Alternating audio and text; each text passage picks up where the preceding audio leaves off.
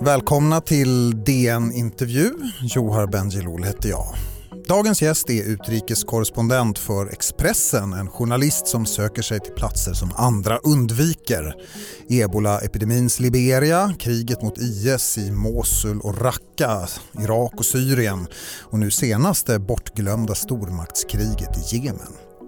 I fjol fick hon också Stora journalistpriset som årets förnyare för det egna, mycket personliga journalistiska universum som hon skapat på Facebook där hon har 130 000 synnerligen engagerade följare. Välkommen Magda Gad!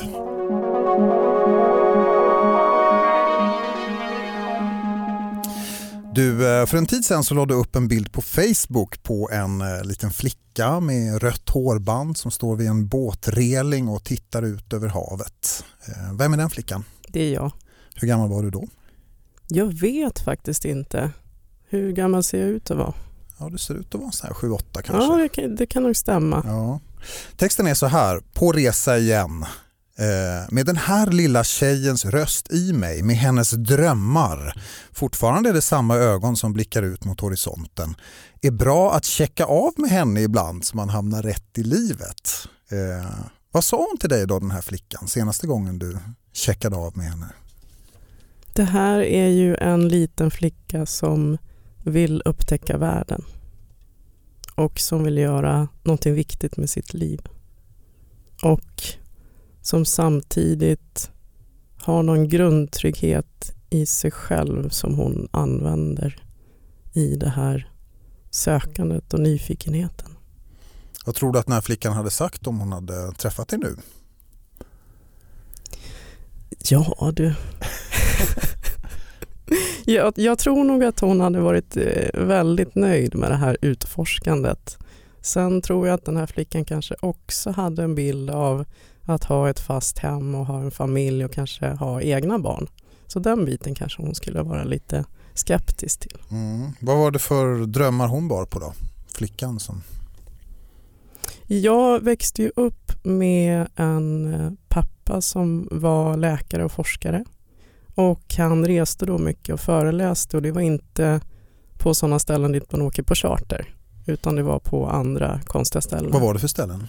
Ja men det var som i i Östeuropa före murens fall och man kom till något ställe där det inte fanns mat och det fanns bara någon skiva prickig korv och vodka. Sådana mer konstiga ställen. Eh, eller flådiga ställen, det, det var olika och jag fick ju då tidigt upptäcka att världen utanför Sverige var något helt annat än Sverige. Och fick en hunger på att jag ville se allt detta. Mm. Och han jag satt med på konferenser och på middagar och träffade mycket intressanta människor och kände att det gav mig mycket och att jag ville det. Och min mamma också var, hon älskar fortfarande att packa en väska och resa. Mm. Vad reser hon när hon reser då? Hon är lite som jag fast inte att hon beger sig iväg till krig men hon är nyfiken och intresserad av att åka till eh, också lite otillgängliga platser. Mm. Vad tycker hon om att du har valt att åka till världens farligaste platser? Det måste ändå vara en förälders mardröm att en dotter gör en sån sak. Hon säger ofta att det är klart jag oroar mig men jag kan inte oroa mig jämt. och sen vet jag att hon är stolt eh, men det är klart att hon tycker det är jobbigt också. Eh, det beror lite på också. Om hon tittar på bilder och ser att jag ser glad ut, då går det bra. Om hon ser att jag lider, då går det mindre bra. Försöker du lägga upp lite glada bilder för att uh, lugna din mor ibland? Nej, jag gör ju faktiskt inte det.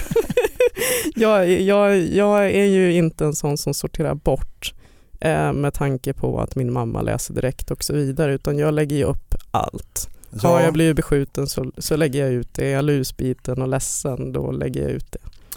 Ja, vi ska ju säga det att ditt Facebookflöde är ju liksom inte ett vanligt Facebookflöde som andra människor har utan det är en slags oberoende nyhetskanal kan man nästan säga som också är väldigt personlig med som vi sa i inledningen här 130 000 följare. Så att det du skriver där blir ju offentligt på något plan. Det verkar som att du är inne i någon sån lite mer personlig period nu när du skriver om dig själv som barn och om dina föräldrar och sådär. Varför, varför blickar du tillbaka just nu tror du? Men jag gör det ibland. Jag tror att jag kanske också gör det i mellanperioder. Eh, som till exempel nu eh, före en resa som jag vet kommer bli tuff. Så är det ju saker som jag kanske själv funderar på. Mm, vi ska återkomma till vad den där nästa resan är för någonting. Jag måste bara, det, fanns en, det finns en jättefin text om din far eh, här som du skrev alldeles nyligen. Han eh, är då död, han dog när du var 23 och du skriver om honom att eh, jag lever ditt liv pappa, fast baklänges. Hur menar du? Han eh, växte ju upp i Kairo i ett väldigt fattigt område. De hade inte el hemma. Eh, han, eh, jag tror att han var den enda som inte fick följa med på utflykt i skolan för att hans familj hade inte pengar. Och han förstod ju då någonstans att enda vägen ut från det här det är att jag måste studera. Och han bestämde sig då för att bli läkare. Och han fick sen då ett stipendium tidigt och flyttade till London. Och när han tog det steget så var det som att i honom, det fanns ingenting i honom som någonsin ville tillbaka. Och han byggde upp ett liv för sin familj då först i London och sen i Sverige och han ville ju absolut inte då att hans barn skulle bli några filurer som sökte sig tillbaka till den här slummen. För det var ju vad han hade kämpat för, att vi skulle få ett tryggt liv i ett fungerande samhälle. Och så gör du exakt tvärt emot Sex, vad din precis far vill. Precis tvärtom, fast med hans liksom, eh, driv och personlighet och eh, jag kan känna igen mig i hans sätt att vara fast han skulle ju vara extremt missnöjd med vad jag gör. Ja, vad tror du han skulle ha, ha sagt om han hade sett dig i Raqqa och Mosul och sådana platser? Jag, jag tror nog att det skulle finnas den här delen också som min mamma har, att det finns en stolthet. Men jag tror att hans oro och beskyddarinstinkt över mig skulle alldeles ta över. På vilket sätt är ni lika? Eh, vi är väldigt bestämda människor, vi har väldigt eh, tydliga åsikter, eh, vi eh, talar öppet om dem. Jag tror att eh, vi kan lätt ta över diskussioner om vi kommer in i ett rum. Eh, vi har båda höga skratt och vi jobbar båda extremt mycket. Han jobbade ju både på han jobbade på sin bröllopsdag, han jobbade på jul, han jobbade på alla semestrar. Mm. Hur mycket jobbar du? Lika mycket i princip. Mm. När är du ledig? Jag eh, försöker ju vara så här intensivledig. Alltså när jag är, är ledig så kan jag vara bra på att göra ingenting. Att verkligen eh, inte hålla på att liksom, nu ska man liksom ha ett semesterschema. Utan då tar jag verkligen min vila och sen så i och med att jag stannar länge på platser så ser jag till också att jag har andningsrum eh, även om jag är i krigszoner. Mm. Jag kan göra yoga till exempel vid frontlinjen. Vi ska tala lite om eh, den senaste plats du besökte, eh, nämligen Jemen som ju plågas av ett krig som vi sällan får rapporter för. Men du var där för Expressen ganska nyligen och det ska vi tala om alldeles strax.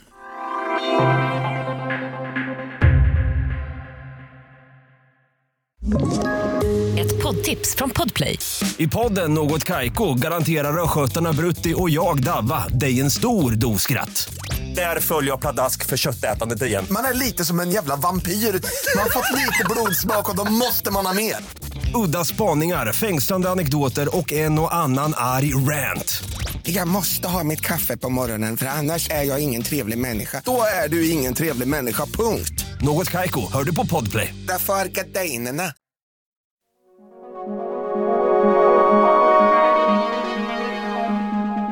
Jag välkommen tillbaka Magda Gad, utrikeskorrespondent för Expressen. Tack. Du var alldeles nyss i Jemen som ju är en plats som väldigt få eh, västerländska journalister lyckas få visum till att besöka. Eh, vilka nya insikter om den platsen fick du när du var där? Jemen är ett extremt intressant land och väldigt komplext och jag tror att alla som är som jag som jobbar länge i Mellanöstern vill förr eller senare dit. Och det är för att om man tittar på alla konflikter i Mellanöstern så kan man säga att de har sin grund i en eh, regional stormaktskonflikt mellan Iran och Saudiarabien. Och den konflikten är extremt tydlig i Jemen. Och sen så kan man också då se hur de ingår oheliga allianser med andra länder och grupper och i och med att det är så få journalister som är där så sker det väldigt öppet för att de vet liksom att nej, det är ingen som kommer att komma på oss. Mm. Och därför är det väldigt spännande att komma dit och få snoka. Ja, det finns, du nämnde exempel hur vi, eh, eller västvärlden förhåller sig till de här kända terrorgrupperna IS och Al-Qaida vet jag att du har berättat om. De är ju båda verksamma i Jemen. Vilka allianser ingår de i där? Precis, och det är det här då som blir så spännande för att eh, USA har ju under lång tid eh, haft Al-Qaida utpekat som sin största fiende och lagt enorma eh, mängder resurser och pengar på att bekämpa dem. Och det gjorde man även i, i Jemen, eh, började i slutet av 90-talet och eh, bombade då mål som eh, man ansåg var Al-Qaida. Eh, men det som har hänt nu då är att IS då som är en slags vidareutveckling av eh, Al-Qaida också finns i Jemen. Och både Al-Qaida och IS de har ju som fiende eh, Iran och det har också USA och Saudiarabien. Så det man ser här nu i Jemen är ju att IS och Al-Qaida och liknande extremister eh, finns vid samma fronter som koalitionsstyrkorna. Mm. Det blir på något sätt, vad tänker du om den dubbelmoralen då? Ja men det är ju extremt skevt och det blir ju så oerhört cyniskt men sen är det klart att så har det varit även tidigare som i, i Afghanistan när eh, Mujahedin då eh, stred mot eh, Sovjetunionen så fick ju de stöd av USA och av Saudiarabien. Och det är ju grunden också i sig till alla de här rörelserna. Jag fäste mig mycket vid en, eh, en sak som du gjorde där, en film som du spelade in från en, det här med att vardagen också pågår i krigszoner hela tiden. Det var en film från en, eh, ett snabbköp kan man säga, en matbutik som hette ligger i Aden i, eh, i Jemen som heter Kuzmart Saudi Market Quality. Eh, vad var det för en plats? Det här är, är ett supermarket och det finns sådana över hela Jemen. Eh, nu var det här bara något som jag eh, råkade gå in och då blev det just där. Eh, och då var det vissa läsare som sa att ja, men det här är ju Saudi. Då för att, men att det, den råkade det ju, heta så? Ja, ja, men det var ju då för att eh, precis som via Lidl då så finns det ju, Saudiarabien har ju också affärsverksamheter i då framförallt södra eh, Jemen. Men eh, eh i i Jemen i alla stora städer så eh, finns det butiker och matbutiker som ser eh, ut som de kan göra här eller kanske ännu mer som amerikanska matbutiker. Det var fullproppat med massor ja. av frukostflingor och sådana saker. Ja, och även dietflingor. Vilket är ju eh, speciellt att hitta i ett land där eh, barn faktiskt dör var tionde minut av undernäring. Och eh, jag tror att det här kanske är någonting som journalister i vanliga fall låter bli att visa. För att vinkeln här nu är att vi ska åka och visa undernäringen och de här väldigt magra barnen som ligger och dör och då visar vi inte det andra. Och då kände jag att det är klart att vi måste göra det för det är ju sanningen. Mm, ja, det var det jag fäste mig vid att det här gav på något sätt en full bild av den här världen. Det är klart att eländet inte kan finnas överallt hela tiden ens i en plats som Jemen. Nej, och det finns ju fik, det finns fina takterrasser, det finns i huvudstaden Sanaa så såg vi både Ferrari och sådana Hummer. Det är ju eh, väldiga lyxbilar som man inte brukar se i Sverige. Du, eh, hur är det sen att återvända till Sverige när du, efter en sån här reportageresa till någon av de här alla extremt utsatta platser du rapporterar från?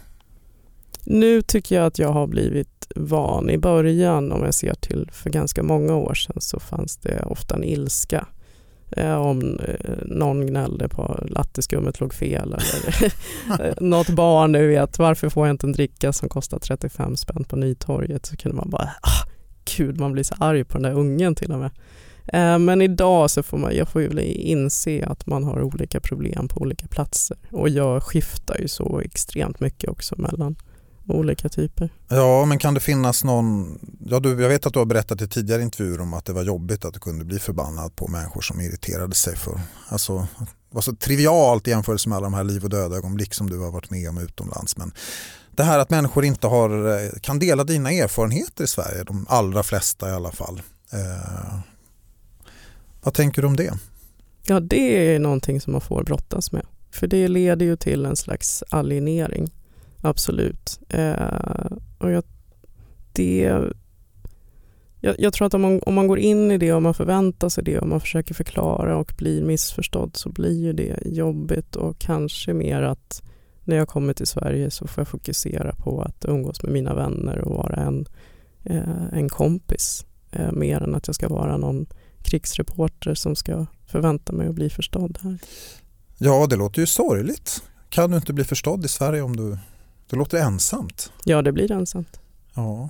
Tänk, har du, hur hanterar du det då, den ensamheten? Jag funderar på att skaffa en katt men det är svårt när man inte har ett hem. Då får du se till att ha någonstans att bo först. En katt med ett pass. Knepigt på flygplatser, det tror jag faktiskt. Men det här, så har du någon? Vem kan du prata på riktigt med om allt du har varit med om? Jag kan väl göra det med vem som helst men eh, jag tror att för mig är ju det vardagssaker medan för den då som får ta emot så är det ju inte det. Och då har jag nog märkt att det eh, kan vara människor som faktiskt inte vill ha allt det där. Hur gör du då för att inte bli alienerad på det där sättet du pratar om? Att inte känna den här distansen till svenskar? Som... Nej men jag har, jag har den distansen. Du har det? Ja, det har jag absolut. Det finns en liten Magda-bubbla som jag ja. går runt i. Är det någonting som du vill förändra eller är du nöjd med att befinna dig i den bubblan? Jag har accepterat att det är så eh, och jag tror att det är väldigt svårt om man skulle börja ställa något krav på att det inte skulle vara så. Sen vore det ju naturligtvis väldigt fint tror jag om man kunde ha en människa som kunde dela allt det och förstå det. Mm. Är du en ensam människa? Eh, ja, det är på många plan i och med att jag ofta jobbar ensam. Jag kommer till världar där jag inte känner någon. Och eh, sen lär jag oftast känna folk och kommer på ett ganska djupt plan nära tror jag i och med att vi diskuterar deras liv. Och eh, sen måste man skiljas. Och sen kommer jag hem till en verklighet där jag har varit borta ifrån väldigt länge. Det har hänt saker som jag inte har hängt med i. Mm. Är du bekväm med det, den livsstilen? Att det blir en ensamhet på det sättet? Ja men det tror jag om man tittar tillbaka på den här bilden av den här lilla flickan som står där vid relingen. Hon ser också ganska ensam ut. Ja, fast det kanske är mer som just den bilden är beskuren eventuellt. ja, fast jag, jag, tror att även då att jag hade någon vision av att den här eh, skulle befinna sig ensam någonstans ute i världen och upptäcka att det har varit en utmaning för mig. Mm. Det här du var inne på med hem, använder du det ordet om någon plats? Nej, jag brukar säga att jag fick den frågan senast igår faktiskt. Jag brukar nog säga att jag har inget hem för det är så de facto ser ut och jag har ofta flera olika väskor utspridda på olika platser i världen. Mm. Uh, och där har det ju blivit mer så att hem får vara där jag är för stunden. Mm. Är du nöjd med den livsstilen?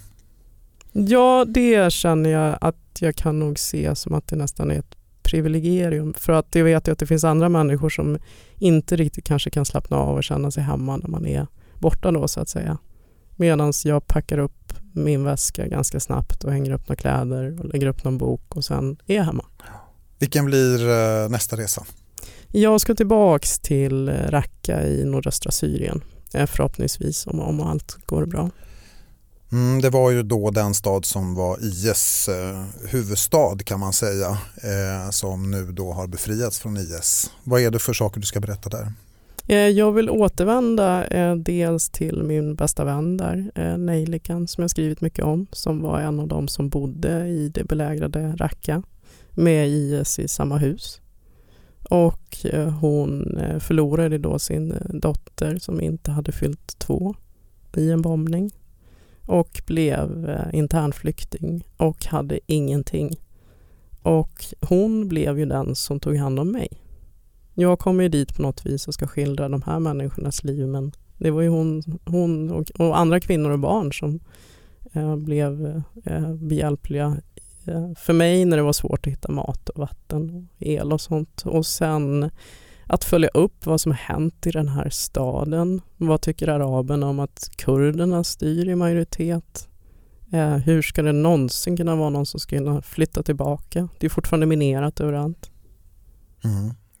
Hur eh, tror du att du kommer att kunna ta dig dit? Det är en svår resa på många sätt. Alltså rent att komma in bara. Ja, det, är ju, det, det kan ju bli uppåt fyra dagar landvägen. Och sen när man då kommer in där så fungerar inga simkort och det är sällan det finns el och då har man inte kontakt med omvärlden. Och sist hade jag ju löss och blev också väldigt sjuk och svalt. Eh, så att eh, det, det, det, finns absolut mörka tankar i att jag ska tillbaka mm. just hit. Har du pratat med din mor om saken? Ja, det har jag gjort. Vad säger hon? Vart ska du bo? Antar att du inte kan besvara just den frågan. Hon tyckte jag var så oerhört eländigt sist när hon såg bilder på att jag bodde i bara något utbombat. Ja, ja, jag förstår att du ibland måste göra saker också mot din mors vilja. Mm, och hur länge ska du vara där? Ja, det, också, ja, det kan jag tänka mig att hon frågar. Ja. Ja Magda Gad, eh, lycka till med den resan och var försiktig där. Stort tack. Tack för att du var med i eh, DN Intervju. Var med Magda Gad som är eh, utrikeskorrespondent för eh, Expressen. Den här podden är ett samarbete mellan Dagens Nyheter och Bauer Media. Producent Augustin Erba, research Sabina Marmolakai och teknik Jennifer Devard. Tack för att ni har lyssnat.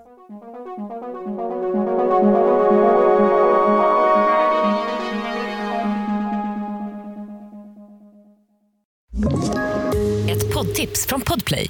I podden Något Kaiko garanterar östgötarna Brutti och jag, Davva, dig en stor dos skratt. Där följer jag pladask för köttätandet igen. Man är lite som en jävla vampyr. Man har fått lite blodsmak och då måste man ha mer. Udda spaningar, fängslande anekdoter och en och annan arg rant.